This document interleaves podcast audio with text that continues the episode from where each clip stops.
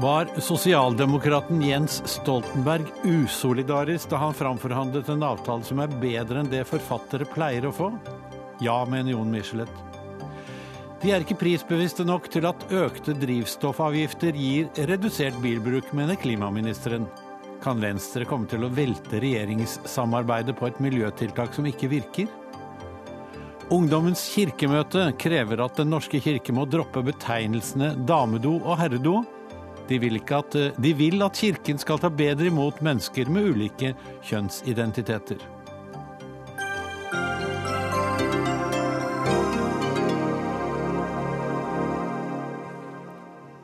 Velkommen til eh, Dagsnytt 18 med Anders Magnus i studio, hvor vi også skal eh, snakke om mobilkrisen eh, for Samsung. De stanser nå alt salg av toppmodellen sin etter at flere smarttelefoner skal ha tatt fyr. Og det kan koste selskapet over 80 milliarder kroner, anslår ekspertene.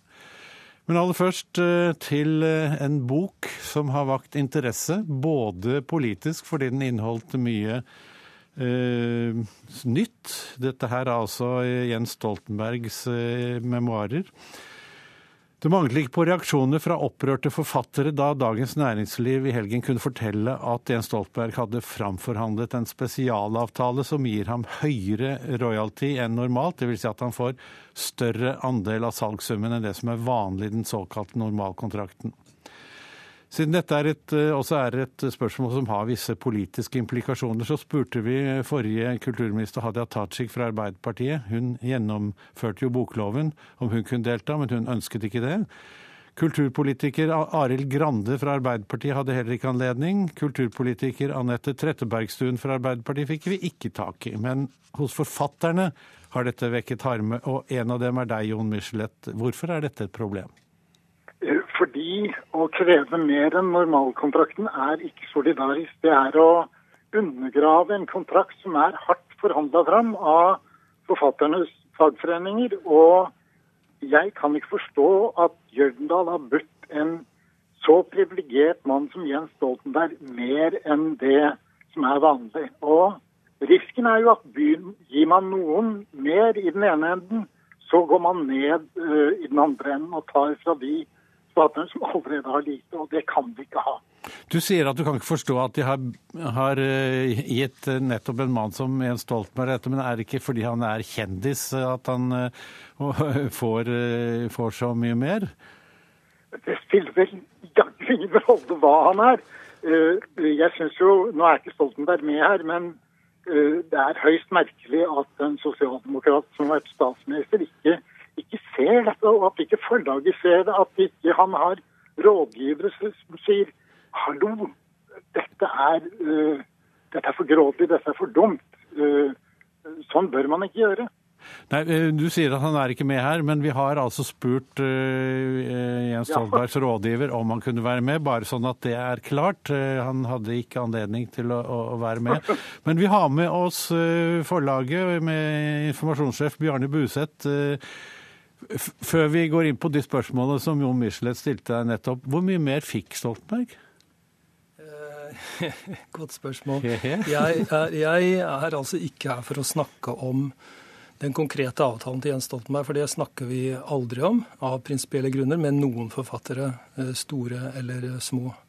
Eh, men jeg stiller gjerne opp på en debatt om la oss si en hypotetisk debatt. Det er jo fort å forsnakke seg, da, men jeg vil ikke si noe om det. Men om det faktum, la oss si at en sakprosaforfatter i 2016 eh, ville fått en kontrakt som ga noe bedre vilkår enn normalkontrakten.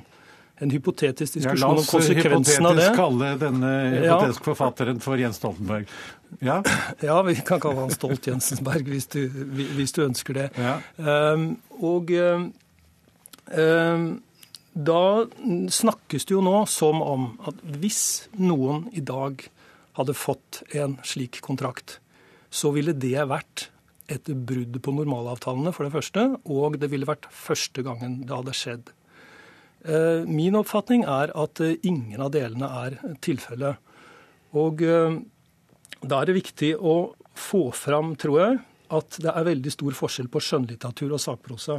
Det kan godt hende det er derfor vi sitter her med de skjønnlitterære, at de ikke har fått med noen sakprosaforfattere. Det vet jeg ikke. Men i, på det skjønnlitterære feltet så er betingelsene så å si hellige. Kontrakten sier rett ut at forfatterens vederlag er 15% Vi gidder ikke å gå inn i prosentene, men at forfatterens vederlag er dette. Og jeg eh, kjenner Den solidariteten har vi den største respekt for. Jeg kjenner ikke til at verken forfattere eller forlager, for, forlag på den skjønnlitterære siden fraviker dette. På sakprosasiden er det helt annerledes. Der er det et mye større spenn. Der skal man gi ut alt fra enkle quizbøker som du rister ut av ermet, til liksom store trebindsbiografier som tar lang tid å lage, og med kokebøker med bilder og alt mulig sånt, som gjør at man har en royalty-stige som gjør at dette er veldig forskjellig. og Forlagenes innsats er veldig forskjellig osv. Og så er jo og også det om man da eh, på en måte går over den anbefalte satsen, fordi der heter det altså at uh, det er en normal, normalrojaltien er. Der står det ikke vederlaget er, men det står at normalrojaltien er dette. Og jeg oppfatter det ikke som om hvis man da ga bedre betingelser enn dette, at det er et brudd på avtalene. Så er spørsmålet hvor nytt er eventuelt dette? Eh, og hvor mye kjenner man til at det skjer? Og da har jeg lyst til å sitere Trond Andreassen, eh, tidligere generalsekretær i faglig Faglitterær forfatterforening, som i, i standardverket om bokbransjen, som er gitt ut flere, revidert flere forskjellige ganger, så står det om royaltyprosenten at den royaltyprosenten som framgår i de ulike avtalene, er en minimumsprosent. Ingen forlag kan honorere under denne prosentsatsen, men det hender at forlagene går over. Særlig gjelder det forfattere hvis bøker forlaget vet selger bra. Ja, det, det, visste dere vel i dette tilfellet, at dette kom til å selge?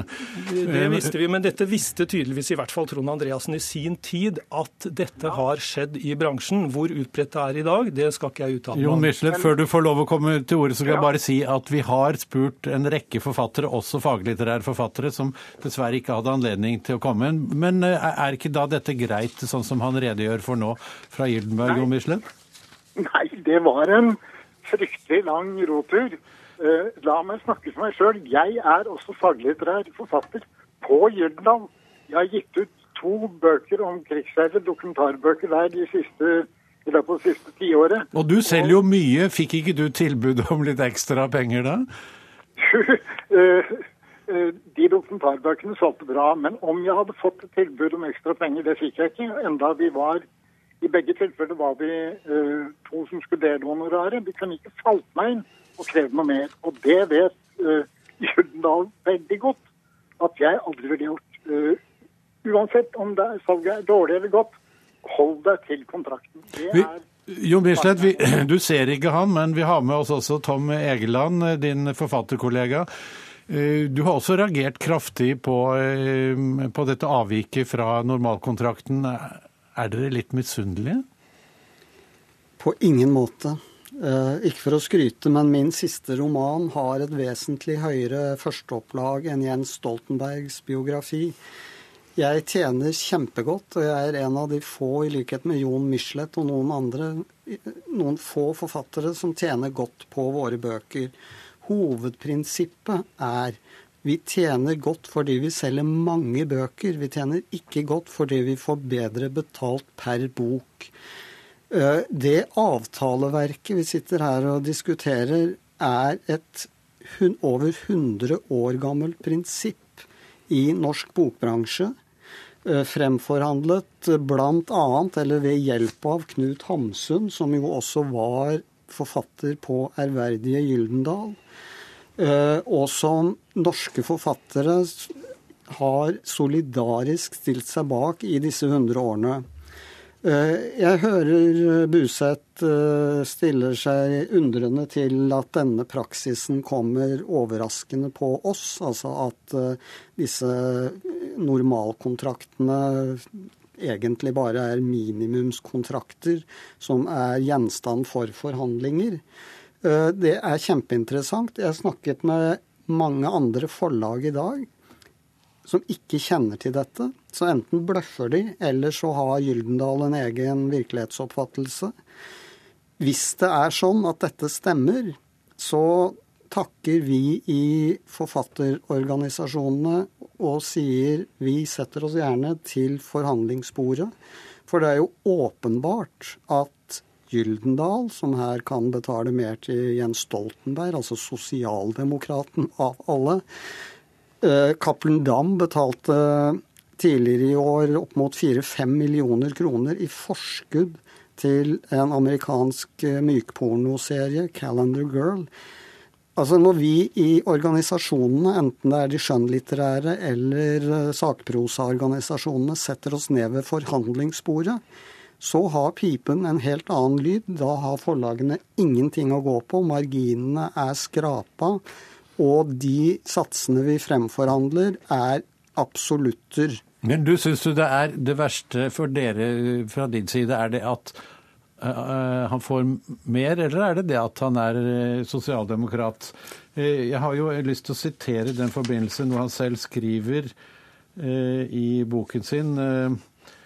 Han, han, sier jo at han var på et møte med noen elever hvor, de, hvor han hadde, egentlig hadde tenkt å være holde seg litt i bakgrunnen, men så, så, fikk han så mye kritikk fra Høyre og Fremskrittspartiet at han måtte understreke dette solidaritetsprinsippet, og at Arbeiderpartiets politikk gikk ut på å utjevne forskjeller mellom folk. Og så skriver han at det var deilig å få sagt det.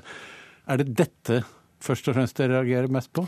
Jeg er litt usikker på hvem jeg er mest oppbrakt over. Om det er Gyldendal, som, som her i mine øyne fraviker en felles enighet i bokbransjen, eller om det er Jens Stoltenberg, altså sosialdemokraten, som var med på å lage bokloven som aldri ble noe av.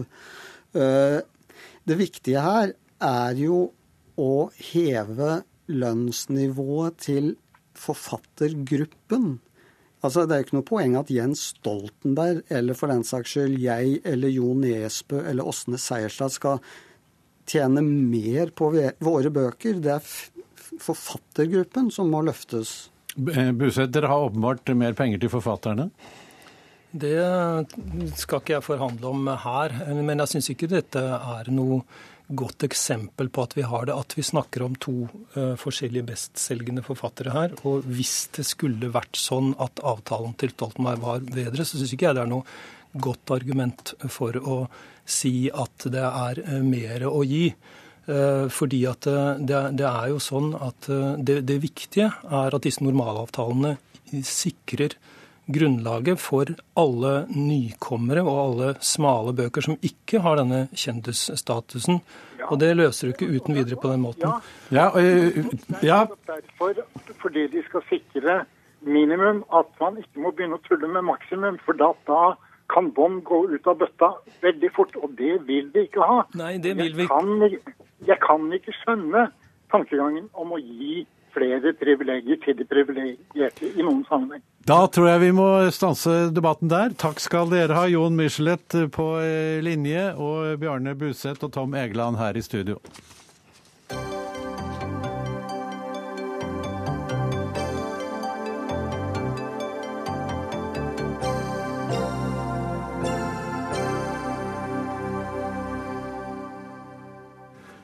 Da skal vi til høstens tilbakevendende politiske drama. og det, det, dreier seg om, som alle vet, om eh, Venstre og regjeringen og noe som heter drivstoffavgifter. 35 øre på diesel og 15 øre på bensin er regjeringens forslag til grønt skatteskifte. Men i dag kunne vi lese i Dagsavisen at eh, klima- og miljøminister eh, Vidar Helgesen sier at vi er ikke sikre på om økte drivstoffavgifter fra ett år til det neste vil gi sterkt redusert bilbruk. Så det er ikke noe grønt skifte i dette her, altså? Det er to ting som er viktige. Det ene er at eh, vi øker avgiftene men hvordan folk vil reagere på det, det kan vi ikke påstå at vi kan være helt sikre på. Men vi har anslag om at dette vil redusere utslippene med 200 000 tonn. Men så er det én ting til som er eh, viktig, og det er at vi i budsjettet gjør veldig mye annet. Og hovedpoenget mitt er at debatten har dreid seg utelukkende om bensin- og dieselavgiftene. Men man må se på alle de andre tingene vi gjør i budsjettet. Vi... La, oss, la oss ta én ting av gangen her. Vi skal komme tilbake til det andre du snakker om også. Men, men altså, drivstoffavgiftene. Du sier at uh, fra et år til neste så er du ikke sikker på om det vil gi noen virkning. Og det, det er mange som påpeker dette her. og i miljøorganisasjoner og, og tenketanker som sier, og sier at utslippsreduksjoner blir mye mindre fordi folk tilpasser seg. Det er ikke så mye å betale mer. Uh, men kan vi da Altså, statsministeren sa på pressekonferansen at dette er vårt grønne skatteskifte. Men du sier at det er ikke sikkert at det kommer til å bli noe skifte her. Da er det vel ikke det grønne skatteskiftet, da? Jo, for det er eh, sånn at avgifter virker. Avgifter er eh, kanskje det viktigste virkemidlet vi har i klimapolitikken. Jeg syns nesten at det var det motsatte du sa til Dagsavisen. Nei, hvis du leser hele intervjuet, så vil du se at, det. det, at det ikke er det jeg sier. Jeg sier at avgifter virker. Men de som påstår at fra ett år til et annet så kan vi vite nøyaktig hvordan folk vil reagere, de overdriver. Fordi vi vet jo at pumpeprisen øker jo og reduseres med oljeprisen, og folk eh, tilpasser seg. Det har ikke nødvendigvis kortsiktige virkninger. Men vi vet at på lang sikt så har det virkning, og derfor er dette viktig. Det er tross alt første gang siden ja, på veldig lang tid at bensin- eh, og dieselprisene, eh, avgiftene faktisk øker her i landet. Men så øker vi en rekke andre avgifter. Det, det så introduserer vi en biodrivstoffplan som vil ha eh, god klimaeffekt. Vi kommer med forbud mot oljefyring. Kan vi ikke ta de tingene etterpå? For det, Først så vil jeg gjerne spørre Guri Melby fra Venstre. Du er jo gruppeleder for Venstres bystyregruppe i Oslo. Har klimaministeren avlyst grønne skatteskiftet med det han sier i dag? Jeg må innrømme at jeg ble litt sånn mismodig da jeg leste den artikkelen i Dagsavisen, for jeg leste den jo på samme måte som programlederen, at han egentlig ikke hadde så veldig stor tiltro til å bruke avgifter som virkemiddel i miljøpolitikken. Eh, og eh, vi vet jo at avgifter virker. Eh, det kan forskning fortelle oss, det kan også erfaring fortelle oss. De grepene vi har gjort tidligere med avgifter, både med å øke avgifter og senke avgifter, har jo vist at folk responderer ganske tydelig på det. F.eks. Eh, elbilpolitikken, som alltid blir løfta fram som en suksess. Eneste grunn til at Norge, er elbilland nummer én, er for at vi har lave avgifter på elbiler. Eh, da man i 2007 la om avgiftene sånn at dieselbiler ble billigere enn bensinbiler, sånn relativt sett, så fikk det en umiddelbar respons i markedet, og salget av dieselbiler tok av ganske kraftig. Og når man nå har snakka om å avgiftsbelegge dieselbiler mer fordi at det har, har negative konsekvenser for lokal luftforurensning, så har salget gått ganske kraftig ned. Så at man ser jo faktisk at bare debatten om avgifter i seg sjøl bidrar til å påvirke folks atferd. Nå skjønner jeg jo poenget til Vidar Helgesen at for å få til et godt klimabudsjett, så handler det om mer enn drivstoffavgifter. Og Venstre er jo de første til å snakke om at det her handler om en helhet, og det var jo nettopp det vi bestilte fra regjeringa. Vi bestilte et grønt skatteskifte. Vi bestilte ikke noen øre eller kroner på bensin- og dieselpriser, men vi bestilte et grønt skatteskifte som består av både påplussinger og lettelser.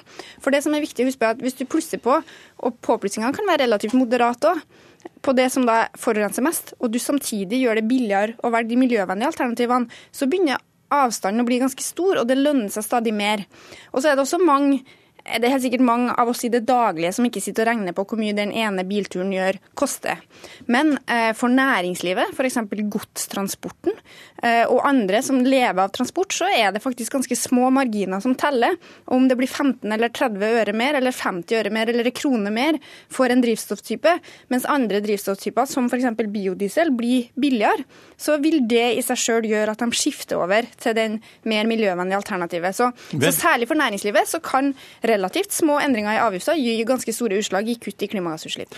Da må vi tilbake til det som du gjerne vil snakke om som punkt to, nemlig alt det andre som skal gjøres, eh, som skal være en del av dette skiftet. Eh, hvilke andre tiltak vil stor, eh, medføre store utslippskutt? Det som er den viktigste sektoren fremover, det er tungtransporten. Varebiltransporten, tungtransporten. Jeg tror at personbilmarkedet er i ferd med å løse seg pga. elbilpolitikken. Og det er helt riktig at det dreier seg om avgifter, men det dreier seg faktisk om at det er i praksis halv pris på mange av disse bilene. Men eh, det vi må gjøre fremover, er å få ned utslippene i tungtransporten. Der er det veldig lite elektrifisering, sånn som vi ser nå. Den biodrivstoffplanen vi har lagt frem, med å øke kravet til biodrivstoff uh, i årene som kommer, det er viktig.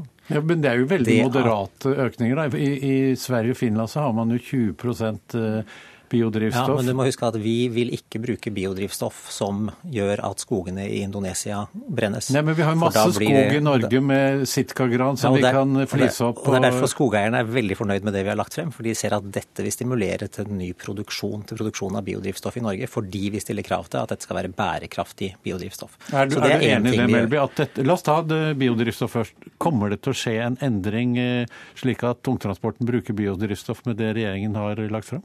Ja, definitivt. Og det har de jo lagt fram etter påtrykk fra Venstre. Eh, det første vi sørga for omtrent med den nye regjeringa, var jo å fjerne avgifter på biodrivstoff som Stoltenberg-regjeringa hadde lagt på. Eh, og vi har jo laga en opptrappingsplan som er enda mer ambisiøs enn det regjeringa har lagt opp til, der man øker eh, mer, sånn som vi har sett i våre naboland. Og man har sett at det har veldig stor positiv effekt. Men bare etter... Er være sikre på at Venstres ambisjoner her vil føre til at det er bærekraftig biodrivstoff. Og det hjelper altså ikke hvis CO2-utslippene øker tar... tusen ganger i Indonesia. Bare vent litt. Hvis man, tar, uh, hvis man skal uh, sørge for at det er norsk biodrivstoff, så må man vel ha en eh, prisøkning på den vanlige dieselen, sånn at biodiesel eller biobensin eh, fra norske fabrikker blir eh, konkurransedyktig? Må man ikke det? Ja, og det gjør vi jo. Hvordan gjør dere det? Vi øker bensin- og dieselavgiften. Men er det vi nok? Vi øker den mer enn den rød-grønne regjeringen overhodet gjorde i sine åtte år. Det er jo bl.a. derfor jeg sier Venstre har mye mer å hente på å samarbeide med oss. Men er det nok, Belby? Det, øker de nok til at folk vil velge biodrivstoff? Mer? Nei, eh, de gjør ikke det. Eh, det er helt åpenbart. Og at utviklinga går for sakte, eh, det er helt sikkert. Og vi vet jo det, alle disse utslippsbanene og karbonbudsjettene og sånn kan jo bli ganske kryptisk for folk flest. Men vi vet jo også det at jo raskere vi begynner å kutte utslipp, jo lettere blir det faktisk å gjennomføre det grønne skiftet.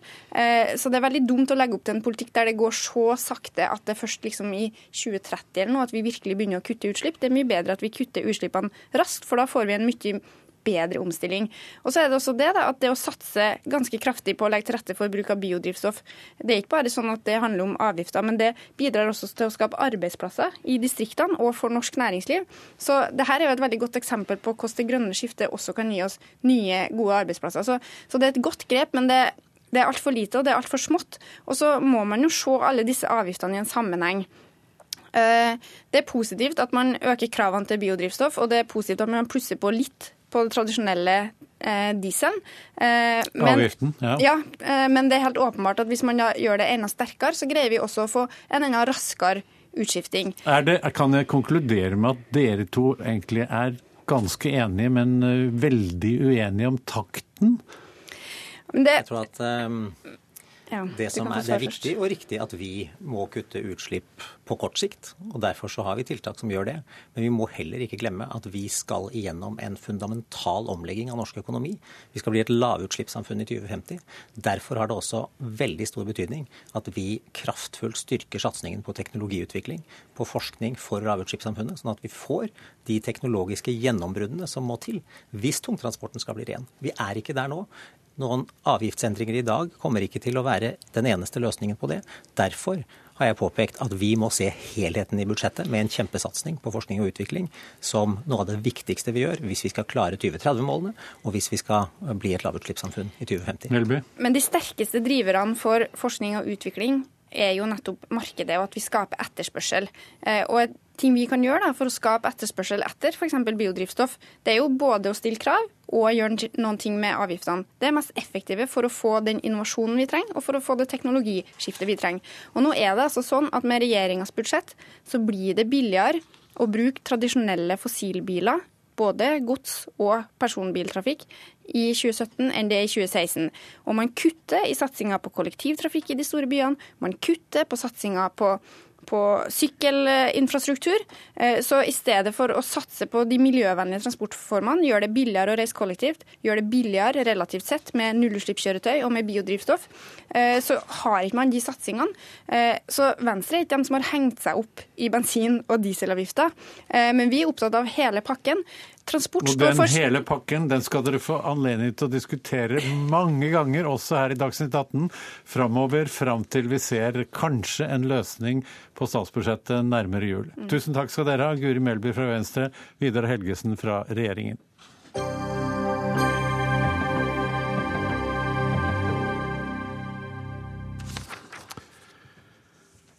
Så skal vi til Kommune-Norge.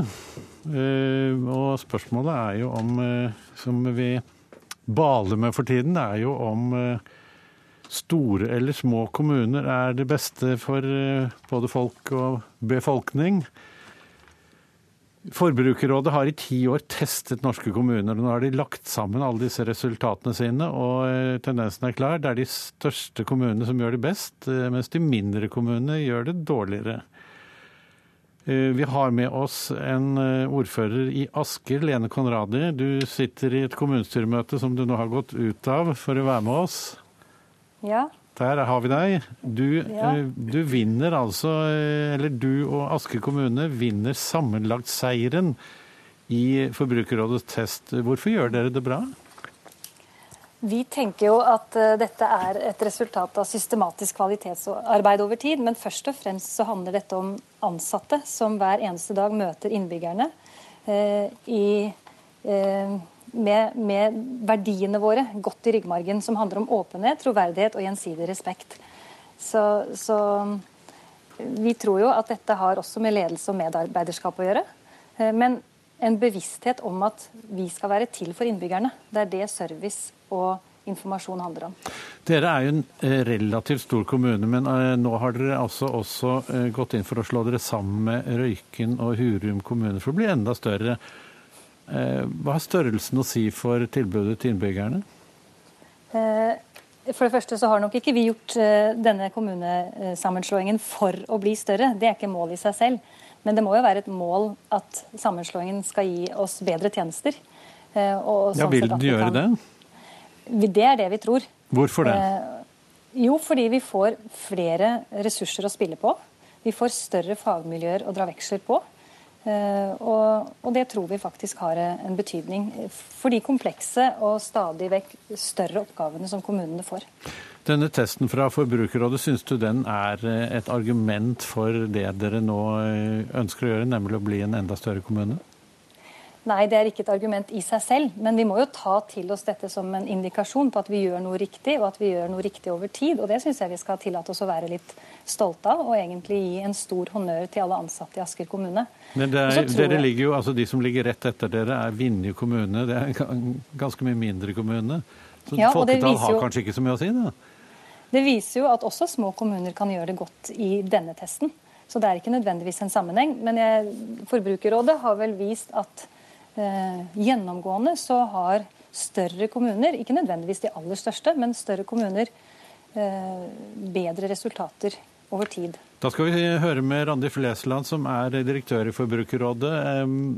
Er det, hva er det som eh, er tendensen i denne undersøkelsen deres? Aller først har jeg bare lyst til å gratulere Asker igjen, for det er jo fantastisk morsomt å være en sånn klar vinner som Asker er. Denne kommunetesten den handler om de viktigste velferdstjenestene som vi møter. For det er jo kommunen som leverer tjenestene fra, hva skal jeg si, fra vogge til grav. Eh, og Derfor så har Forbrukerrådet ønsket å teste fronten på det, altså første delen. Informasjon, service og tilgjengelighet på de tjenestene, fordi vi mener det er viktig at kommunene jobber med det. Og da vil vi presse kommunene til å hele tiden bli bedre. Eh, trenden gjennom alle de årene vi har jobbet med dette, her, er helt klart at de største kommunene de scorer best. Hvorfor det? Ja, det, det, kan nok være mange årsaker, men jeg skal bare gi litt grann tall. Um, av de 25 beste kommunene, så er det kun to som har mindre enn 10 000 innbyggere. Eh, hvis vi ser på de 50 dårligste, de som skårte dårligst, så har ingen så mye som 10 000 innbyggere. Alle har mindre. Så det er en helt klar trend.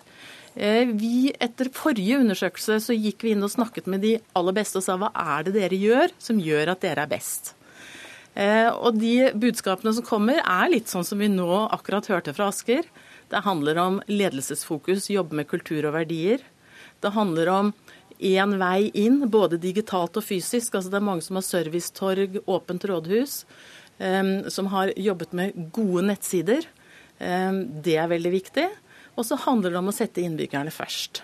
Men dere, den rapporten som dere har levert nå, mener du den er et godt argument for kommunesammenslåing? Altså, vi jobber ikke i forhold til kommunesammenslåing. Vi ser kun på disse tjenestene. Og det er jo på en måte førstelinje. Vi har ikke lagt oss inn på et sykehjem eh, og sett om Nei, kvaliteten er det ene eller ikke. Er ikke det, er ikke det egentlig en veldig svakhet ved eh, den undersøkelsen? At dere bare ringer eller mailer til eh, kommunene og får et svar? Dere tester jo ikke selve det vi skal få fra kommunen? Altså tjenestene, søppeltømming, helsetjenester, eh, omsorg eh, osv.? Nei, Det er ganske komplisert ja. i alle de kommunene vi har. Eh, men det vi gjør er jo da, og som jeg sier, teste førsteledd Vi fremstår som en forbruker. Vi fremstår som en innbygger som sier til sin kommune, eller den kommunen man ønsker å flytte til, Fortell meg om denne tjenesten. Og Vi har testet 280 tjenester gjennom denne perioden, altså forskjellige tjenester på alle kommunene. Og det er ganske omfattende. Og så ser vi hvordan svarer de oss. Både på når vi ringer, på e-post, og hvor riktige og hvor gode er nettsidene deres, sånn at vi kanskje finner det meste digitalt. Det er jo fremtiden, og det burde alle klare. Da må jeg avbryte litt, for vi har med oss Marit Arnstad fra Senterpartiet her også. Du er parlamentarisk leder i partiet. Denne undersøkelsen, er det et godt argument for å slå sammen kommuner? Nei, det er overhodet ikke noe argument for å slå sammen kommuner. Eh, men altså, det er jo prisverdig at eh, Forbrukerrådet tester informasjonsarbeidet i kommunene. De har testa servicetorg og internettsider og e-post osv. Og, og det er veldig bra at de gjør, og det er veldig bra at Asker kommer godt ut. Eh, men denne undersøkelsen sier jo ingenting om, eh, om, innholdet og kvaliteten i velferdstjenestene som kommunene skal tilby. Det sier ingenting om hvilke kommuner som har de beste barnehagene, hvilke kommuner som har de beste grunnskoler, hvilke kommuner som har de beste eldreomsorgen. Men kan det tenkes at uh, når man gjør en sånn test på fronten eh, hos kommunen, at den avspeiler kvaliteten også lenger inn i systemet? Nei, det tviler jeg på. fordi at de undersøkelsene som er foretatt av innbyggernes fornøydhet med nettopp barnehager, eldreomsorg og skole, de viser jo at veldig mange av de mindre kommunene kommer veldig godt ut. Eh, og det, KS har jo et kommunebarometer hvert år som tester akkurat det. Eh, så det er en dårlig samsvar mellom denne undersøkelsen og KS sin undersøkelse. Der er det jo nettopp kommuner som Alvdal og Høylandet og sånn som kommer best ut. Altså det, det de har testa her, er på en måte eh, f.eks. hvis at du sender en e-post, får du svar innen fem dager. Eh, for eksempel, og Da får du trekk hvis du ikke svarer innen fem dager. Det er bra at de tester sånt, og det er bra at de utfordrer kommunene på sånt, men det er ikke det som avgjør om en kommune er en god kommune å bo i. Det er det de grunnleggende velferdstjenestene som gjør, og det er det innholdet i barnehagene, innholdet i skolen, innholdet i eldreomsorgen, og hvor omfattende de tilbudene er. Vi, vi, kan, altså vi, kan, høre med, eh, med Lene Conradi, som jo er i praksis, å si. Du er ute Eh, og leverer disse tjenestene til befolkningen. Tror du det er noe sammenheng mellom denne eh, eh, førstelinjeundersøkelsen og, og de tjenestene som blir levert lenger inn i systemet? Jeg kan jo tro at det har en sammenheng, hvis du er en kommune som er god på informasjon og servicekultur, at det gjenspeiler noe av holdningene til ansatte, som også går på da kan si noe om innhold og kvalitet i tjenestene. Men det må vi jo selvfølgelig også måle å gjennomføre brukerundersøkelser i forhold til. Og det tror jeg de aller, aller fleste kommuner gjør. Flesland? Så, ja. Nei, Det gjør de dessverre ikke, men de gode kommunene gjør det. Så det var et viktig stikkord. Det å faktisk spørre innbyggerne sine, brukerne, om hva de syns er bra og hva som bør bli bedre. De gode er gode på å spørre, de dårlige er dårlige på å spørre. Så jeg tenker å utfordre litt de som faktisk scorer dårligst over tid det er liksom så unødvendig. Begynn å svare, begynn å ta innbyggerne dine på alvor. Eh, men samtidig så er det, litt viktig Det kan ikke være at de, de, er fattige kommuner? De er små og fattige? De har ikke anledning til å gjøre det? Nei, jeg tror ikke det handler om det. Det er selvfølgelig at store kommuner har jo mer ressurser eh, og kanskje lettere kan gjøre en del av tingene. Men dette handler nok veldig mye om kultur og struktur. Og Hvis vi f.eks. tar disse to kommunene da, som er blant de 25 beste og har eh, få innbyggere, det er for øvrig Senterpartikommuner. så så Vinje, Vinje, er en av de som da er på, på annenplass. De har vist at det faktisk også går an, hvis de vil, og de har en bevissthet. Og vi ser den som vant årets undersøkelse, Feie, som er en bitte liten kommune, det har 500-600 innbyggere, de var på 402. i 2013, og så fant du at det kunne de jo ikke fortsette med. Og da begynte kommunen å faktisk jobbe med dette og brukte dette som en styringsparameter. Og de seilte rett opp til førsteplass. Så det er faktisk mulig hvis man vil, og det er viktig. Ja, og nettopp derfor, altså nettopp fordi at uh, det her er et nokså litt variert bilde, så er det også viktig at denne undersøkelsen ikke blir brukt for mer enn det den er verdt. Og jeg syns kanskje at Forbrukerrådet i dag har oversolgt den litt, uh, på, også på sine egne hjemmesider, nettsider, når de, når de framstiller det her som om det er de beste kommunene i landet. Du altså, ble litt redd for at Jan Tore Sanner skulle få et godt argument? Nei, jeg vet at han ikke har noe godt argument. fordi jeg vet at KS sitt kommunebarometer gir helt andre tall for nettopp den velferden velferden og, for, og innbyggernes fornøydhet med velferden. Så jeg syns forbrukere skal være litt forsiktige med å selge det på den måten der. Da må vi avslutte dere begge to der. Takk til Marit Arnstad fra Senterpartiet og eh, Randi Flesland, direktør i Forbrukerrådet, og Lene Konradi, som er ordfører i vinnerkommunen Asker.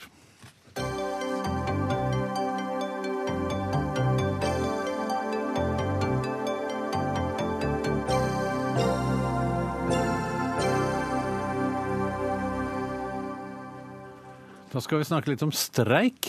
Det er jo eh, streik i flere eh, deler av landet vårt. Det er jo togstreik, og det er eh, legene streiker. Det ser kanskje ut til at den er i ferd med å avslutte. Men en streik som ikke er slutt i det hele tatt, det er jo streiken i energisektoren. Hvor L- og IT-forbundet har trappet opp slik at 240 000 kunder i landet, strømkunder, kan bli eh, rammet. Eh, det er ingen, ingen, så langt som vel er rammet. Men eh, Jan Olav Andersen, du er leder i El- og IT-forbundet. Hva handler den streiken som dere har gått inn i nå, om? Vi er i streik for å forsvare de vakt- og beredskapsordningene som vi har hatt i mange år i bransjen, og som sikrer at våre medlemmer etter sju dager med døgnvakt og beredskap har nødvendig hvile og restitusjonstid. Ja, dere krever at dere skal ha tre og en halv dags avspasering etter en ukes beredskapsvakt, mens KS mener dere kan klare dere med to og en halv dag. Ja, og for våre medlemmer som er vakt, så handler det om men dette er jo, dette er jo et pengespørsmål, egentlig? da, er det ikke Nei, det? er ikke et pengespørsmål. Det er et spørsmål jo, Du får mer penger for tre og en halv eh, dag enn eh, Dette er på hvilken måte man opparbeider avspasering gjennom å ha 24 timers vakt sju dager i uh, uka. Og, og, det er ikke først og fremst et økonomisk spørsmål, det er et spørsmål om å få nødvendig tid til restitusjon og hvile etter en så lang vaktperiode. Men får man disse avspaseringsdagene med en gang, eller ja. samler dere de opp? Nei, det normale er at man avspaserer på, før man går i en ny vaktperiode. ja. Sånn. Vi har også med oss eh, ledere for eh, motparten deres, Bjørg Ravlo Rydså, som er administrerende direktør i KS Bedrift. Eh, dere kaller denne streiken uforståelig, men jeg syns det var veldig klart det din motpart sa her? Vi ønsker å kompensere for beredskapsvakt. Spørsmålet er om hvem skal bestemme det. Og vi mener at det er de lokale partene ute i det ganske land som gjenspeiler den merbelastningen det er å ha beredskapsvakt. Så, så, så hvis jeg forstår det rett, så kan man lokalt sett godt uh, forhandle seg fram til det resultatet som de vil ha, men det, ikke, det skal ikke skje på sentralt hold? Vi mener at det er ganske ufornuftig å bestemme dette sentralt. Et eksempel er at mange av våre bedrifter er jo lokale. De ligger ute i distriktene. De har ulike typer værforhold, det er ulike typer geografi osv. Og, så og ikke minst avbruddene på strømnettet er faktisk veldig forskjellige. Det betyr det at de, de, Dere mener at de som eh, er i områder hvor det er lite å gjøre på en beredskapsvakt, skal eh, ha mindre avspasering enn de som er i områder hvor det er mye å gjøre på en beredskapsvakt? Det går an å si det sånn, men det vi har sagt er at vi stoler på at de lokale partene finner ut av dette. De lokale partene er de som vet hvor skoen trykker, og det er de som vet også noe om hva slags belastning de har. Men er, er dere redd for at hvis ikke dere får gjort det sentralt, så klarer ikke de lokale fagforeningene å forhandle seg fram til det samme? Nei, det er overhodet ikke det dette dreier seg om. og Det er jo litt sånn tåkelegging dette her nå. fordi loven, Arbeidsmiljøloven gir jo den adgangen til å avtale andre avspaseringsfaktorer lokalt. Den anerkjenner vi fullt ut, og det skjer jo òg. Men det skal være mer, da? Men det er en hovedregel som ligger i bånn her, og vi sier at den hovedregelen skal være én eh, til fem. Altså, eh, ja. Og og, og, det er jo påfallende når KS Bedrift her sier at alt dette skal bestemmes lokalt. De sendte jo sjøl ut et rundskriv for et års tid siden etter at loven ble blitt endra. Nå er hovedregelen 1 til 7, og det er det dere skal benytte til sine bedrifter. slik at det, det er det det handler om. Vi anerkjenner at man kan ha anledning til å avtale dette lokalt, men det skal ligge en hovedregel i bånn. Eh, den har vært én eh, til fem. Eh, da mener vi den fortsatt skal være. Da mener også for øvrig Arbeidstilsynet. Ja, Man må kanskje forklare litt her. Altså én til fem, det betyr tre og en halv dag avspasering? Det betyr at fem timer i vakt gir én time, time avspasering. Sånn, sånn Når du har ti vakter i året, så betyr det totalt sett på ett år 35 avspaseringsdager. Og alle vet at 35 avspaseringsdager tilsvarer over en måned ekstra ferie. Og det er klart det koster penger, men det er ikke penger pengene det jo, men Det høres jo ut som at penger det, det, er klart. Det er jo det det, er det det dreier seg om, egentlig. Det er klart Avspasering handler også om penger, men det vi... Du er redd for at de små bedriftene de klarer seg ikke hvis det blir så mye? Er det sånn å forstå? Nei, vi er ikke redd for det. Vi ønsker at det er de lokale partene som skal bestemme hva slags belastning er det egentlig som den bedriften har ved denne hjemmevakten. Beredskapsvakt er en passiv beredskapsvakt hvor man faktisk i dag kan gå på fritidsaktiviteter, følge ungene sine på fotballstevner osv. Ja, I, ga I, lokale parter. I gamle dager så var det jo uh, den grå telefonen som man måtte sitte og passe på i tilfelle den ringte. Så vi mener at vi ja, vi gir en ulempe gjennom arbeidsmiljølovens nye regler om at uh, det er en ulempe å ha den type beredskapsvakt. Men i tillegg til det så betaler vi også opp mot 2400-4000 kroner per uke for en sånn beredskapsvakt. Og for at ikke dette skal misforstås. Fakta er at når det er utrykning, så får man også overtid. Ja, Da får man overtid i tillegg. Ja, ja. Så da får du, altså Med en gang du rykker mm. ut, så får du penger. Mm. Så det er ikke, dette er ikke innbakt i denne her uh, avtalen. Nei. Men uh, Andersen, hvis, hvis, det nå skjer en, en hendelse på et sykehus, og de mister strømmen, hva gjør dere da? Nå under streiken, tenker ja, du. Ja, Da har vi god beredskap, og vaktene går som normalt. og Vi behandler dispensasjoner fortløpende. Vi har hatt... Så da, de, de, vil få strømmen tilbake? Ja, det er fare for liv og helse, så får de strømmen okay. tilbake. Hvis det er eh, et område med boliger som mister strømmen, hva gjør dere da? Ja, da er det, noe, det er ikke noe selvfølge at den strømmen kommer tilbake så lenge Men det er ganske kaldt Eh, mange steder i landet? Ja da, men hvis det oppstår situasjoner som er fare for liv og helse, så vil det bli reparert. ja, Hvor innebærer... mange innbyggere er det, er det, snakk om at vil hjelpe? Hvis det er ett hus, to hus, tre hus? Det er ikke antallet som er avgjørende for det. Det har jo mer med om det finnes andre opp oppvarmingssystem i området, om det er kritisk medisinsk utstyr i hjemmene og slike ting, så vil det bli gitt dispensasjon. Så det vil bli gjort en konkret vurdering i hvert enkelt tilfelle. Men dere, på, dere, kommer til å holde på den streiken helt til eh, det skjer en eller annen alvorlig hendelse, da? Nei, vi har god kontroll på det. Det er god beredskap. Det er akkurat like god beredskap nå som når det er normal drift. Vaktene går som normalt ute i bedriftene. Vi har alle våre folk disponible for å rykke ut hvis det oppstår situasjoner som det gjør. Betyr det at dette blir en veldig lang streik, Rydsa, som eh, kommer til å tappe bedriftene? Ja, nå håper jeg på Vi har faktisk et veldig ryddig arbeidsforhold mellom KS Bedrift og L og IT, så sånn sett så føler jeg at begge parter er veldig ansvarlige. Jeg har lyst til å understreke at det vi faktisk er enige om, er at det skal være kompensasjon. Det skal bestemmes lokalt, og ikke minst vi har Arbeidstilsynet som et institutt som ivaretar at hvis man er uenig lokalt, så kan man fremme det for de. Og nå har vi hatt tre saker hvor Arbeidstilsynet faktisk har vært enig med LOIT, IT. Noe vi syns er helt strålende, at systemet fungerer. Vi, okay. ank, vi anker de sakene, jo, men vi anker de sakene. Det er greit. Og det er fordi at det også er en demokratisk rett ikke sant, i Norge å anke alle typer vedtak som men, blir gjort. Men uansett så er i hvert fall dere to eh, villige til å stille i Dagsnytt 18 sammen med hverandre. Det har ikke de andre streikepartene vært. Uh, vi får se hvordan det går med denne streiken videre. Takk skal dere ha for at dere kom i studio.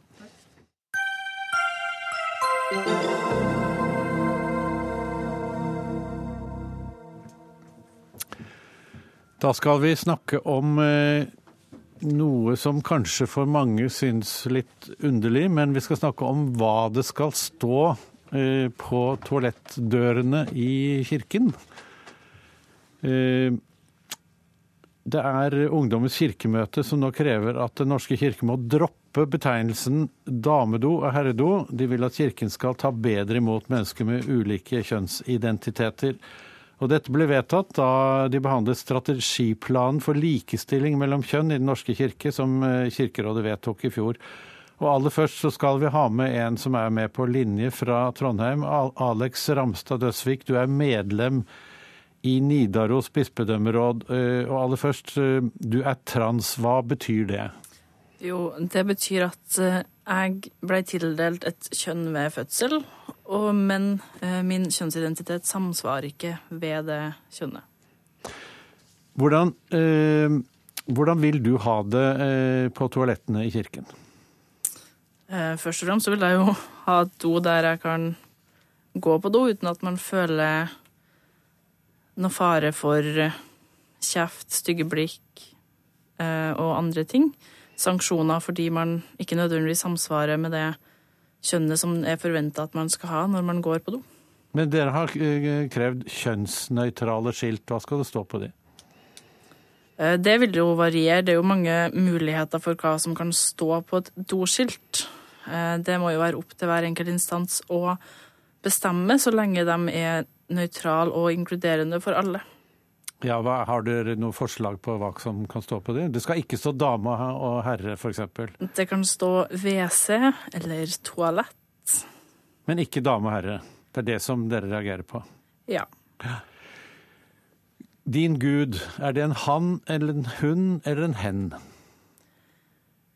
Min gud er en gud som ikke er så opptatt av hvordan kjønn eh, Jeg bruker han mot min gud, men det handler jo like mye som om tradisjon enn hvordan kjønn eier min mm. gud. Mm.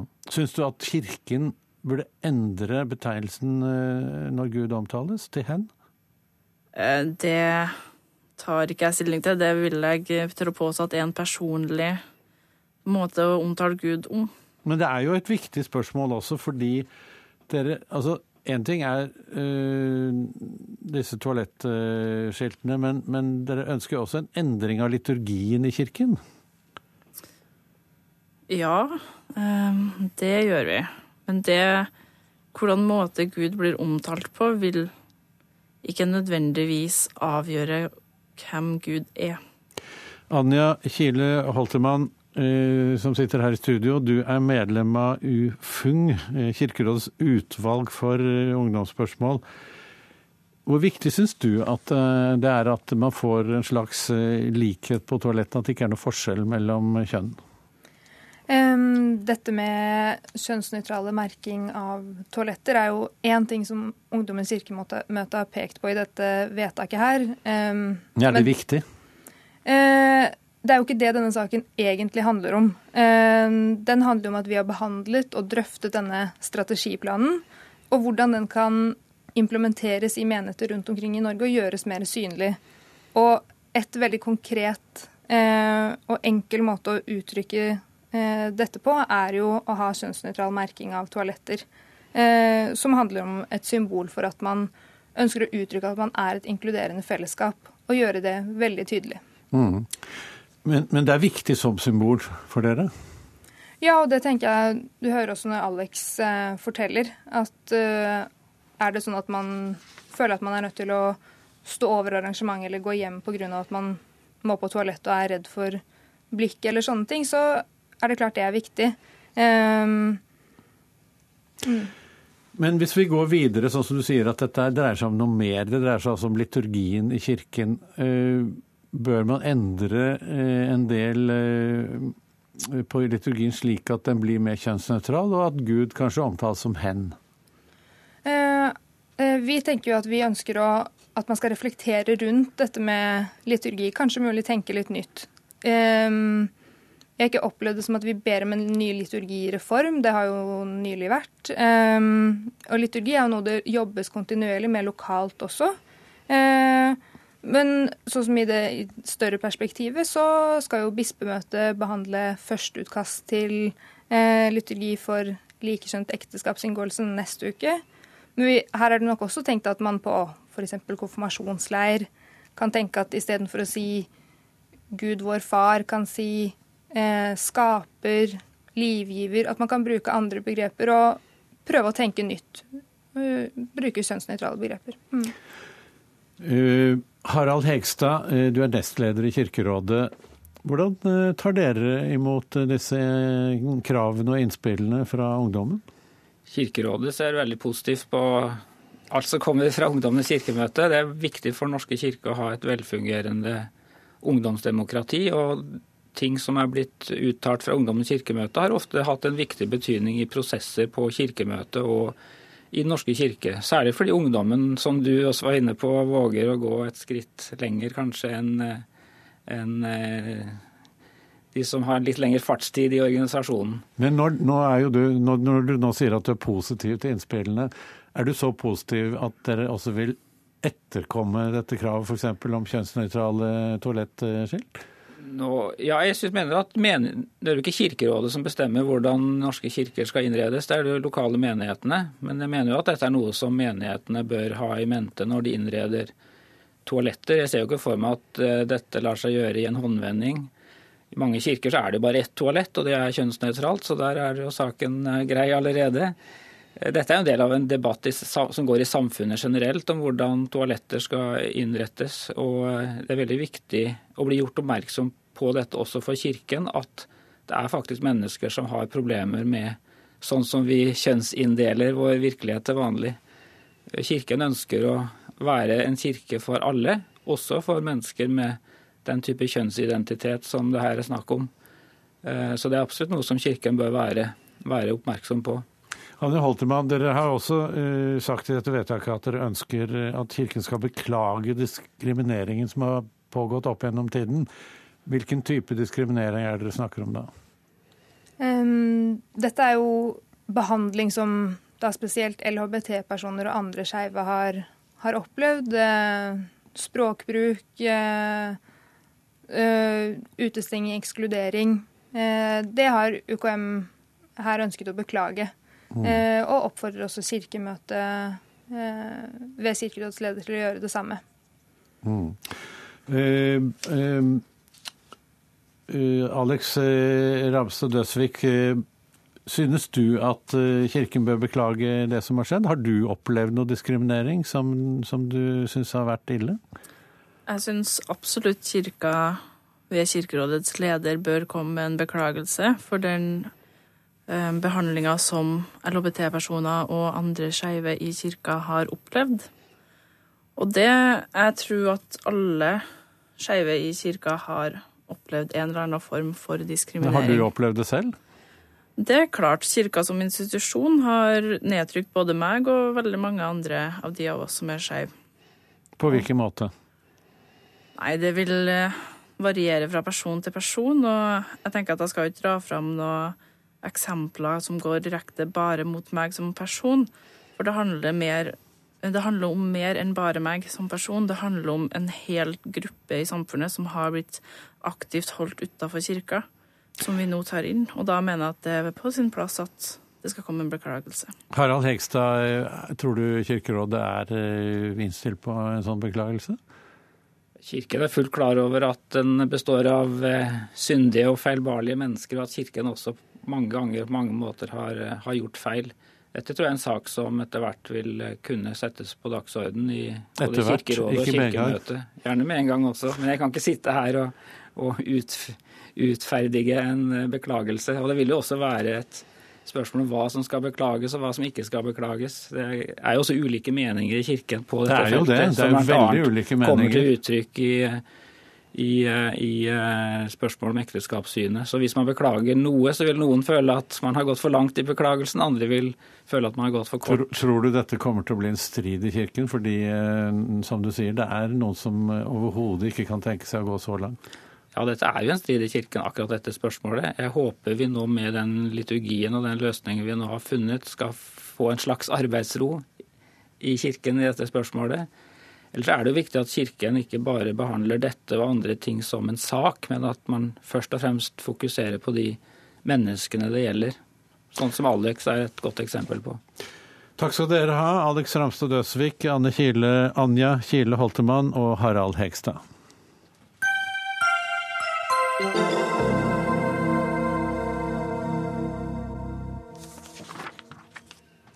Da skal vi til eh, Teknologinytt, eh, så kommer eh, vår medieutvikler her i NRK, Eirik Solheim, inn i studio og skal fortelle om den dramatiske nyheten vi fikk i dag om Samsung Galaxy nummer sju. De som har fløyet i det siste, har jo hørt kanskje at flyvertinnen sier at dette, denne telefonen får man ikke lov å slå på ja. i flyene. Og nå, man, nå, sier Samsung selv at alle må slå den av ja. og ikke bruke den. Og levere den tilbake, rett og slett. Ja. Lever den tilbake. Ja, Det er det jeg har fått beskjed om. Det er veldig dramatisk. Har du en sånn telefon med deg? Ikke akkurat en sånn. Jeg, har, jeg er jo så nerdete at jeg bruker flere telefoner. Men jeg har en Samsung-telefon og en Apple-telefon. Den som jeg har, er ikke denne som blir kalt tilbake. Jeg har en annen telefon, men den heter jo for så vidt Galaxy 7, den òg. Så jeg merket jo når jeg fikk denne meldingen på flyet at jeg tok telefonen min og la den litt sånn forsiktig på innerlommen. men blir du, blir du, ikke litt redd for å gå med den? Uh Eh, på det og ha den i huset. Plutselig kan den Nei, ikke den. Dette er jo det er én spesifikk serie av telefoner, sånn at de har ganske god kontroll på at det er akkurat den ene. Så det er den ene modellen. Det stoler du på? Nei, altså det er jo um, en utfordring at man presser mer og mer energi inn i batteriet i disse telefonene. og Det setter vi jo pris på. Det er sikkert mange der ute som uh, skulle gjerne hatt enda bedre batteri i telefonen sin. Så vi går jo rundt med en liten sånn energiklump i lommen. Og det har gått bra. Det er andre som har opplevd det samme, at de har overopphetet og tatt fyr. men nå er det litt mange her, da, så derfor så har det blitt eh, en ganske sånn eh, krise for Samsung, fordi at det er eh, ja, over 100 telefoner som har gått opp i røyk, og det liker de ikke. Fortell rent teknisk, hva er det som skjer når, med telefonen? Det, Inni batteriet så er det mye energi. Du kan sammenligne litt med bensintanken på bilen. for Den saks skyld. Den har jo bensin som energi. Det går veldig bra når bilen funker som den skal og gir bitte litt bensin og bitte litt bensin i riktig mengde til motoren når det tikker og går. Eh, og så går det fryktelig galt hvis du krasjer eller bensin renner ut osv. Da eksploderer det. Og Det er litt det samme med batteriet. Det er veldig mye energi inni der som eh, blir levert til telefonen rolig og forsiktig. Og når du lader den, så blir det rolig og forsiktig puttet inn energi. Men hvis noe går galt, altså at batteriet punkterer punkterer, eller at annet, en annen komponent inni telefonen overoppheter, så kan det skje litt det samme som med bensintanken. Da eh, blir det sånn ukontrollert utbrudd av energi, som ender ikke med en ren eksplosjon, men med en litt sånn eksplosjonsartet brann. Og Da kan det bli brann som, eh, som kan antenne huset ditt, f.eks.? Ja, og det er jo det som er ekstra ille her. Vi har hatt andre eksempler med telefoner som ble kalt tilbake fordi at antennen var dårlig eller den bøyde seg for fort, men her snakker vi om noe som er potensielt livsfarlig. Eh, og Det er derfor det blir sett på så alvorlig. og Det er derfor Samsung da bruker nå var det 18 milliarder dollar noe sånt på å få kalt alle tilbake, for det, det er en sikkerhetsrisiko. Men så vidt jeg husker, så eh, begynte jo dette her med, med en modell uh, tidligere. Uh, ja. Og så sa de at de hadde fikset det, og så sendte de ut mange nye telefoner på markedet, og så er de enda verre enn før? Er det riktig? Den de er vel ikke enda verre, men det, jo, det som er så ille, er at de, ja, de, denne telefonen kom på markedet i begynnelsen av september. Og så oppdaget de ganske fort at det var da noen eh, som tok fyr. Og så har de da kalt tilbake, og så har de sendt ut som du sier, nye telefoner som skal være sikre. Og krisen nå er jo at noen av de også har tatt fyr. Så da eh, har de tydeligvis ikke helt funnet den feilen, og da er det de går ut og sier nå at nå stopper de all produksjon av den telefonen og kaller tilbake alle sammen. Dette må jo være katastrofe for Samsung som produserer Galaxy-telefonene?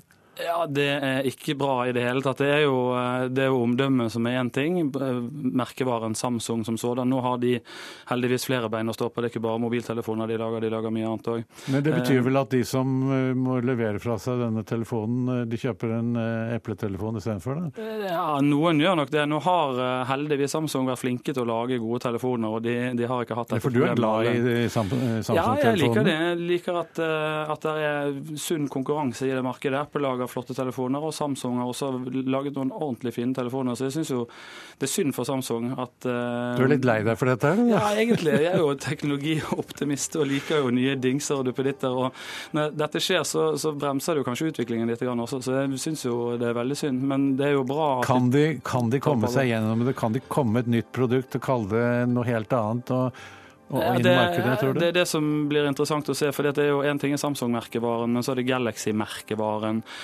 Kanskje de må bare bytte den, men eh, det vil tiden vise. Takk skal du ha, Erik Solheim.